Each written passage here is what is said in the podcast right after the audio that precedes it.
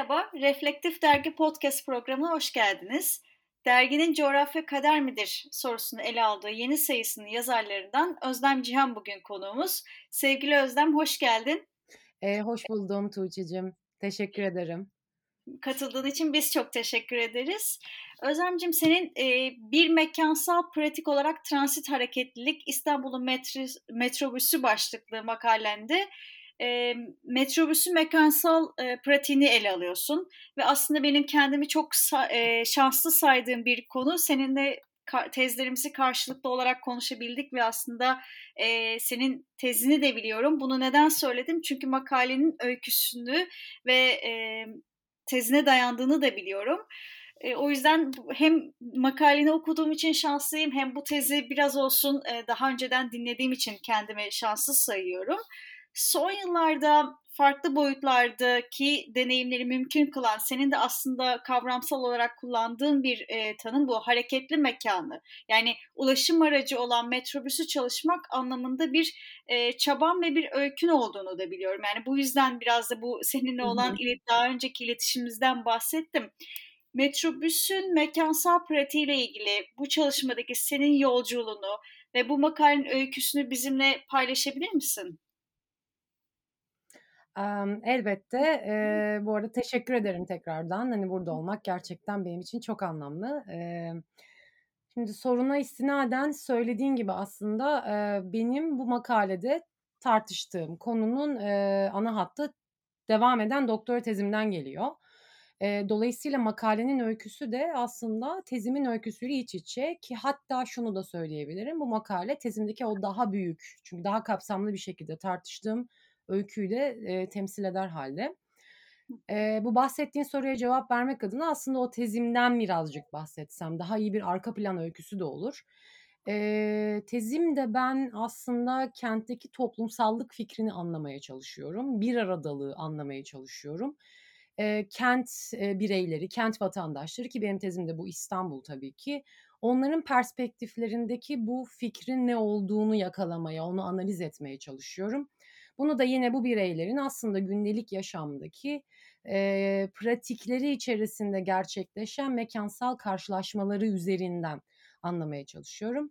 E, yani hepimizin aslında gündelik olarak kentlerde belirli bir döngüde sürekli olarak hareket halinde olduğumuz ortada. Yani evimizden çıkarız bir şeyler yapmak için sürekli kentte bir yerlere gideriz sıradan ve gündelik pratikler derken biraz bunları kastediyorum. Bu bizim hem deneyim hem de aslında gündelik olarak o yaşamsal döngümüzü ifade ediyor. Mekansal karşılaşma da tabii mekan sosyolojisi Henry Lefebvre'nin ortaya koyduğu o önemli tartışmalar benim tezime çok önemli bir altyapı. E, buradaki önemli e, tartışmaları çok açmayacağım ama tabii ki bütün bu gündelik pratikler içerisinde belirli bir mekansal düzlem içerisinde insanların bir arada olabildiği, birbirlerine en kötü ihtimalle görünür olabildiği bir aslında mekansal düzlem aradığım için metrobüs benim hikayeme giriyor. Ee, buradaki bir detay yani bir parantez açmam gerekirse hani Henry, Henry Lefebvre'in e, çok güzel bir şekilde ortaya koyduğu üzere kent e, genel hatlarıyla bir sosyo-mekansal yapıyı da ifade eder. E, dolayısıyla mekansal ilişkilerimiz ki gündelik yaşamla yani gündelik dünyayla kurduğumuz ilişkinin merkezindedir mekan Lefebvre'in teorisinde. E, dolayısıyla o mekansal düzlem benim için önemli ve metrobüs benim sağ araştırmama bu şekilde konu oldu diyebilirim. Yani onun hareketliliği benim birinci kriterim değildi e, ama o hareketli bir mekan olması benim tezimi bu makalede de zaten aslında birazcık anlaşılacağı üzere çok fazla zenginleştirdi. E, neden metrobüs? E, bu konuda çok e, tiye alındığım da oldu. Yani hani metrobüsün nesini çalışıyorsun diye. Nihayetinde metrobüs herkesin hakkında belirli böyle ironik bir imgeye sahip de bir araç. Çok hayati İstanbullular için. E, birazcık bununla ilgili çok popüler bir araç. Çok çok fazla kullanıcısı var. E, çok stratejik bir hattan geçtiği için E5 hattı e, bir şekilde yolu E5 üstünden bir kesişim alanına yani bir aktarma alanına düşen herhangi bir bireyin arada sırada kullanabileceği bir araç ama onun dışında çalışan insanlar ya da okula gitmek zorunda olan, sabah o mesai saatinde sokağa çıkmak zorunda olan insanlar için inanılmaz derecede e, cazip, e, zamansal ve mekansal anlamda efektif e, süre ve işte mesafe kısaltan bir araç transit yapısı itibariyle. Bununla yine ilişkili olarak geçtiği hat çok uzun bir hat olduğu için aslında çok farklı sosyo ekonomik, kültürel karşılaşmaları olanaklı kılan bir araç olduğu için bir yandan da. E, şimdi İstanbul'un bugünkü gerçekliğine bence yani burada yaşayan herkes biraz vakıf. E, çok fazla kesişim ya da karşılaşma mekanı, alanı aslında bu bakımdan bu çeşitliliği verecek şekilde mevcut olmadığı için metrobüs çok önemli bir sağ olarak benim karşıma çıktı. Hareketli olmasaydı mesela alternatifi ne olabilirdi diye düşündüğümde bir meydan olabilirdi tabii ki. Çünkü meydanlar da bu şekilde kesişim alanlarıdır. Ama İstanbul'un geçirdiği dönüşüm özellikle son yıllarda, son 10 yılda da diyebilirim. Dikkate alındığında meydanlar da o işlevi artık o kadar vermiyor ve birazcık trajikomik ama metrobüs insanların kimi zaman 15 dakika işte bir uçtan bir uca hani ben de çok gözlem için gidip geldim. Ortalama bir buçuk ya da bir saat 40 dakika gibi bir süre hani maksimumu da o olmak kaydıyla her işte ilçeden her kesimden insanın kullandığı enteresan bir şekilde dinamik e, bir kullanıcı profili olan demografisi olan bir araç olduğu için e, buradan aslında metrobüs öyküsü e, bana dahil oluyor. Makaleye dair spesifik son bir şey söylemem gerekirse. Yaptığım saha araştırması düzenli kullanıcılarla mülakatlar yapmama neden oldu. Hani toplamda 29 kişiyle görüştüm. Düzenli olarak metrobüs kullanan çeşitli hatlardan, çeşitli yaş ve işte meslek gruplarından insanlar olabildiğince çeşitlendirmeye çalıştım. Ki onların da çok rahat 20 tanesinin bana söylediğini de burada detay olarak vereyim. Herkes metrobüs kullanır. Yani en böyle beden işçisinden en e, onların tabiriyle böyle şıkır şıkır giyinimli insan bile aracını garajından çıkarmayıp trafiğe girmek istemeyen insanlar bile hani bu da yine neden metrobüse dair bir örnek. Bu makalede ise ben mülakatların bir tanesinden e, bir aslında öyküyü, bir deneyimi paylaşıp onun üzerinden bir tartışma açmaya çalıştım. Bu da muhatap yani onunla görüştüğüm zaman da çok aklımda kalan bir mülakattı. Hem çok uzun sürdü hem de çok enteresan ve duygu yüklenimi yoğun bir mülakat oldu. O kişinin aslında e, yaşam pratiğinin onu yorması, yıpratması ve metrobüsün o işte kendi tabiriyle transitliğin onun hayatındaki yeri nedeniyle ve transit e, bir mekansal pratik olarak transit hareketlilik başlığı aslında onun bana verdiği o tanımdan geliyor bana. Hani mekansal deneyimin üzerine bir tartışma açmak istediğim için bir mekansal pratik demek istedim. Transit hareketlilik evet metrobüs böyle bir araç. Bus Rapid Transit olarak e, geçen bir e, yapısı formatı var. Ama muhatap bana e, bu o, onu var var eden o aslında onun işlevini var eden e, özelliğini çok olumsuz bir temsil olarak şu şekilde ifade etti. Metrobüs e, İstanbul'da zaten transitsin, transit yaşarsın. Metrobüs ise bunun en uç örneği. Yani kendi transit varoluşunu ki buradaki negatif temsil onun izolasyonu, onun artık apatik bir e, varoluş, bir pratik biçimine düşmesi anlamına geliyor ki bu onun e, bana anlattığı hikayede çok fazla ön plandaydı. O onun en uç örneği dediği için ben birazcık bu makalede bunun üzerinden bir tartışma açmaya çalıştım Tuğçe'cim. Sen aslında ilk başta önce şeyi söyleyeyim. Çok tiye alındığından da bahsettin. E, zaman zaman arkadaşların olarak metrobüsle ilgili herhangi bir haberle karşılaştığımızda veya kendi metrobüs deneyimlerimizi e, yaşad yani yaşadıkça bunları sana aktarmaya başladık ama, ama yani düşün ki aklımıza ilk gelen sen olmaya başlamıştın. Bu arada önemli kavramlardan da bahsediyorsun. Yani transitleşme, gündelik e, yaşamdaki deneyimler, karşılaşmalar ve tüm e, senin de bahsettiğin gibi 29 tane mülakattan bir öyküyü bu makalede öne alıyorsun. Ve ben makaleni okurken tabii e, bu kişiyle yaptığın, katılımcınla yaptığın e, bazı alıntılara da çok dikkat ettim. E, bu e, bunların arasında bir e, deneyimi öne çıkarıyorsun ve mesela bu görüşmüş olduğun kişi senin de bahsettiğin gibi transitleşmekten bahsediyor. Bir yandan da şehrin onu dönüştürdüğünden de bahsediyor. Böyle farklı çerçevelemeler var aslında. Bu noktada belki sen şeyi de anlatabilir misin? Yani metrobüsün bir mekansal deneyim olarak nasıl çerçevelendiğini bu öykü üzerinden anlatabilir misin? Yani makalende ele aldığın şekliyle. Tabii tabii. Ee, şimdi burada çerçeveleme kavramını da ben zaten içeride kullanıyorum. Ee, şimdi metrobüs aslında benim bu makalede özellikle tartıştığım biçimde çerçeveleyen bir e, mekansal deneyim sunuyor. E, biraz önce bahsettiğim şeye bir geri dönmem gerekirse metrobüs bus rapid transit. E, dolayısıyla ne yapması lazım? Trafiğe takılmadan insanları hızlı bir şekilde o stratejik yol hattından bir otobüs içerisinde transit bir biçimde taşıması lazım. Şimdi muhatap açısından anlattığı deneyim üzerinden gidersek oradaki e, bir hareketli normalde. Bu bir hareketlilik. Yani mobility literatürü içerisinde aslında bu bakımdan çok özgün, çok gerçekten güzel tartışmalar var. Metrobüsün sağım olması beni bu bakımdan da çok fazla besledi. Ondan da çok memnunum. Ama oraya girmeyeceğim.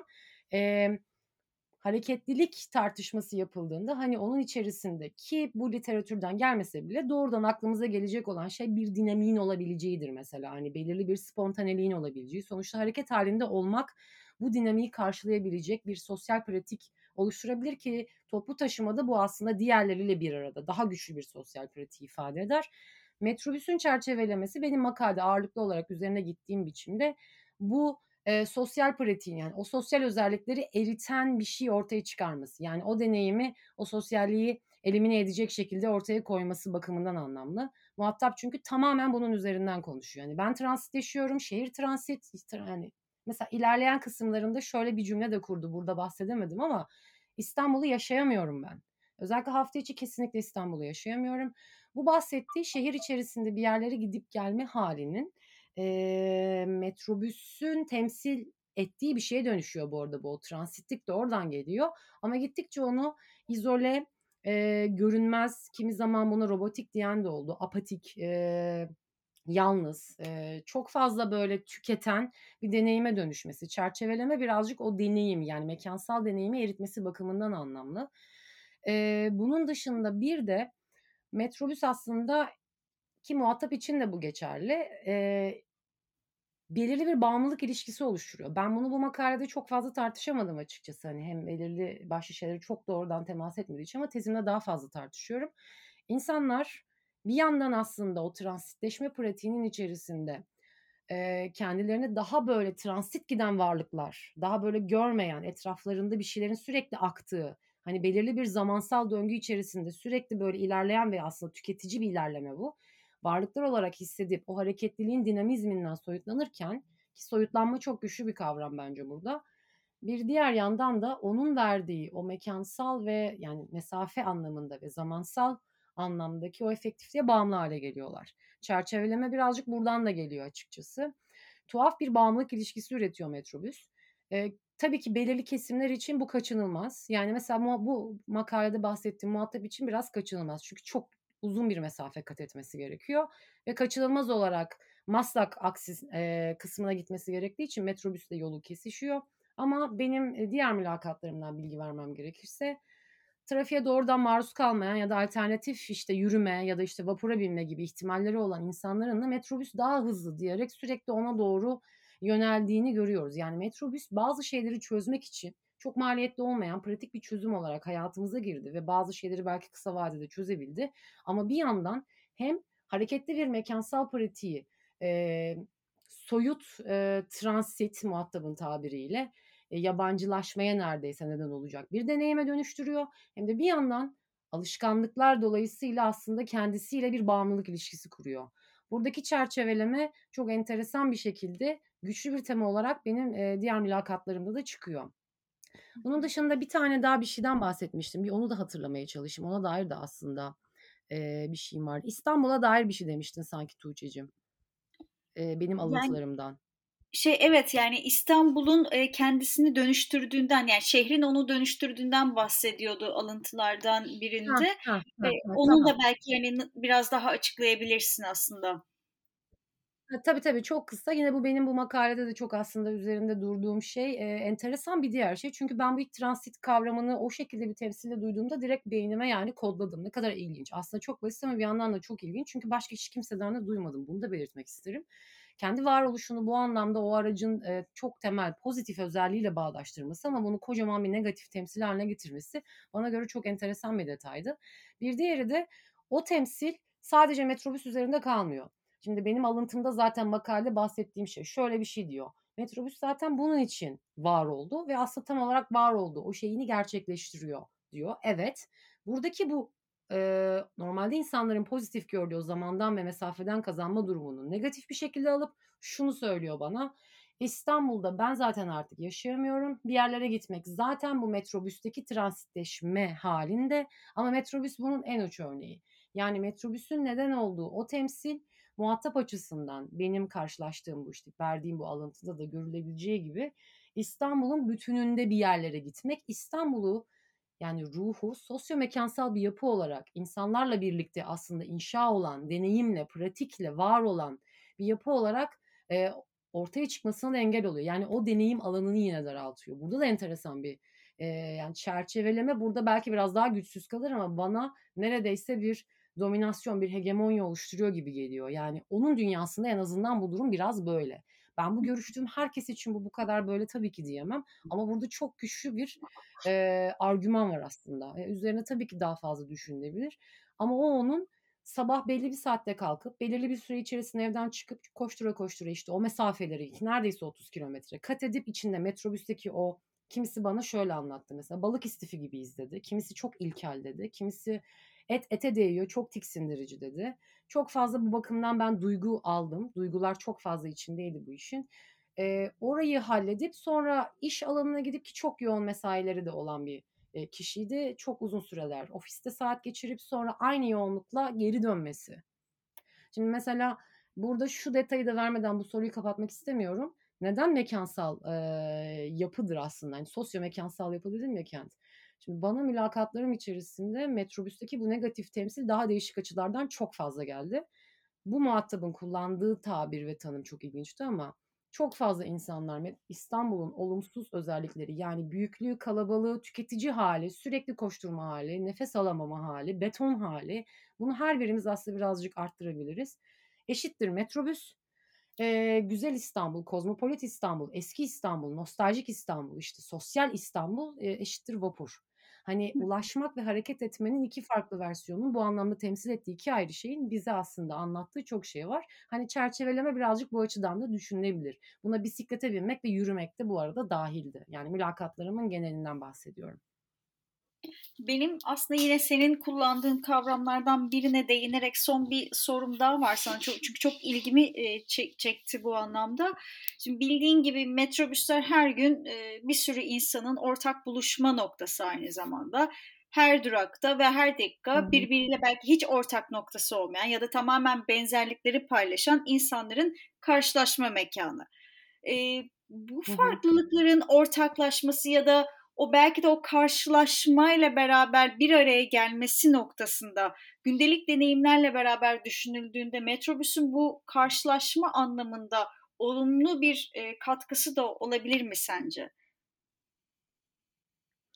Um, bu çok güzel bir soru gerçekten. Ee, belki bu makalede buna dair çok fazla bir şey söyleyemedim. Hani belirli bir tartışma üstünden gitmem gerektiği için ama tezinde bu mesela benim çok fazla düşündüğüm bir şey insanlara da yani görüştüğüm kişilere de muhataplara da çok fazla bu şekilde değil ama hani birazcık o bir aradılığa dair çeşitli açılardan biraz buradan böyle olumlu bir şeyler çekmeye çok çalıştım ben. Yani alternatif daha doğrusu hani özellikle olumlu demeyeyim ama çünkü ben çok fazla olumsuz öykü dinledim.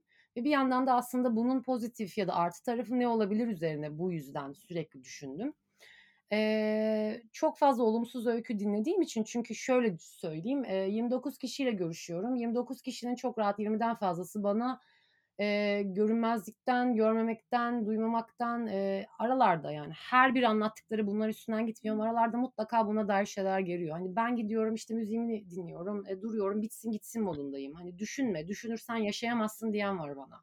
Neden metrobüste bu kalabalığın içindeyim, niye bu şekilde sıkışık bir şekilde hareket etmek zorundayım bunları bir şekilde düşünmeye başlarsan İstanbul'da var olamazsın diyen birkaç kişi de var. Çok enteresan bir diğer detay.